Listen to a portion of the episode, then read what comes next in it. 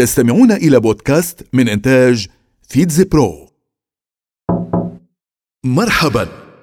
أنا جني آلة الزمن. سآخذك في ثلاث رحلات. رحلات في شتى البلاد. حدثت فيها أحداث في مثل هذا اليوم بالذات. 1910 هلو أعرف باسم مارك توين لكن هذا ليس اسمي الحقيقي فأنا في الأصل أدعى سامويل لانغهورن كليمنس أنا كاتب أمريكي ساخر لقبت بأبي الأدب الأمريكي كما أنني اشتهرت بكوني أعظم الكتاب الساخرين في عصري كنت مقربا من أفراد العائلات الأوروبية المالكة وجمعتني صداقة جيدة برؤساء ومشاهير الفنانين. أشهر كتبي؟ آه يا.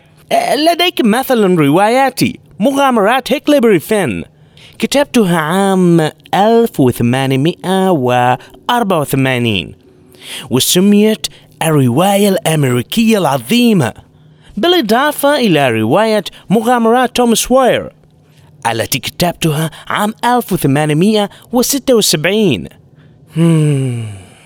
توفيت بنوبة قلبية في مثل هذا اليوم من عام 1910 1802 شلونكم؟ أعرف بهجوم كربلاء. حدثت في زمن حكم الإمام عبد العزيز بن محمد.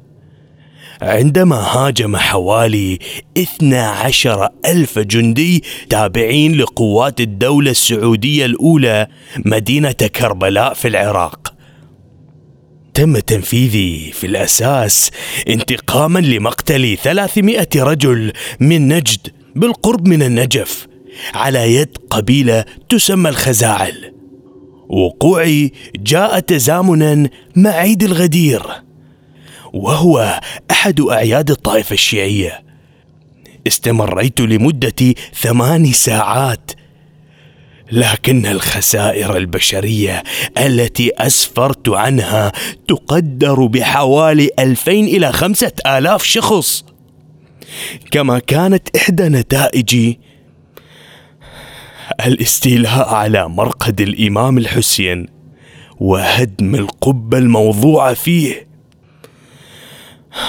حدثت في مثل هذا اليوم من عام 1802 753 قبل الميلاد. برونتو. أنا روما عاصمة إيطاليا وأكبر مدن البلاد. قصتي قديمة كتير كتير كتير. فبدايات تأسيسي تعود إلى أحد أشهر الأساطير التاريخية القديمة. ورح أحكي لكم إياها. كان يا مكان. تقول الحكاية إنه كان هناك أخوين أحدهما يدعى رومولوس والآخر يدعى روموس. بس كان رومولوس أول ملك لي. هذان التوأمان ال cute كانا حاضرين بشدة في الميثولوجيا الرومانية القديمة. يقال يقال إن والدهما هو مارس إله الحرب ما غيره. وبحسب الأسطورة كمان فإن الأخوين رضعا من أنثى الذئب بعد أن تخلت عنهما والدتهما. يا حرام. وعندما كبرا قاما وقت بتأسيس بجانب نهر التيبر ثالث أطول الأنهار في إيطاليا. يا علي مان قليلين في مثل هذا اليوم من عام 753 قبل الميلاد. ما قلت لكم أنا قديمة كتير كتير؟ العودة إلى الواقع.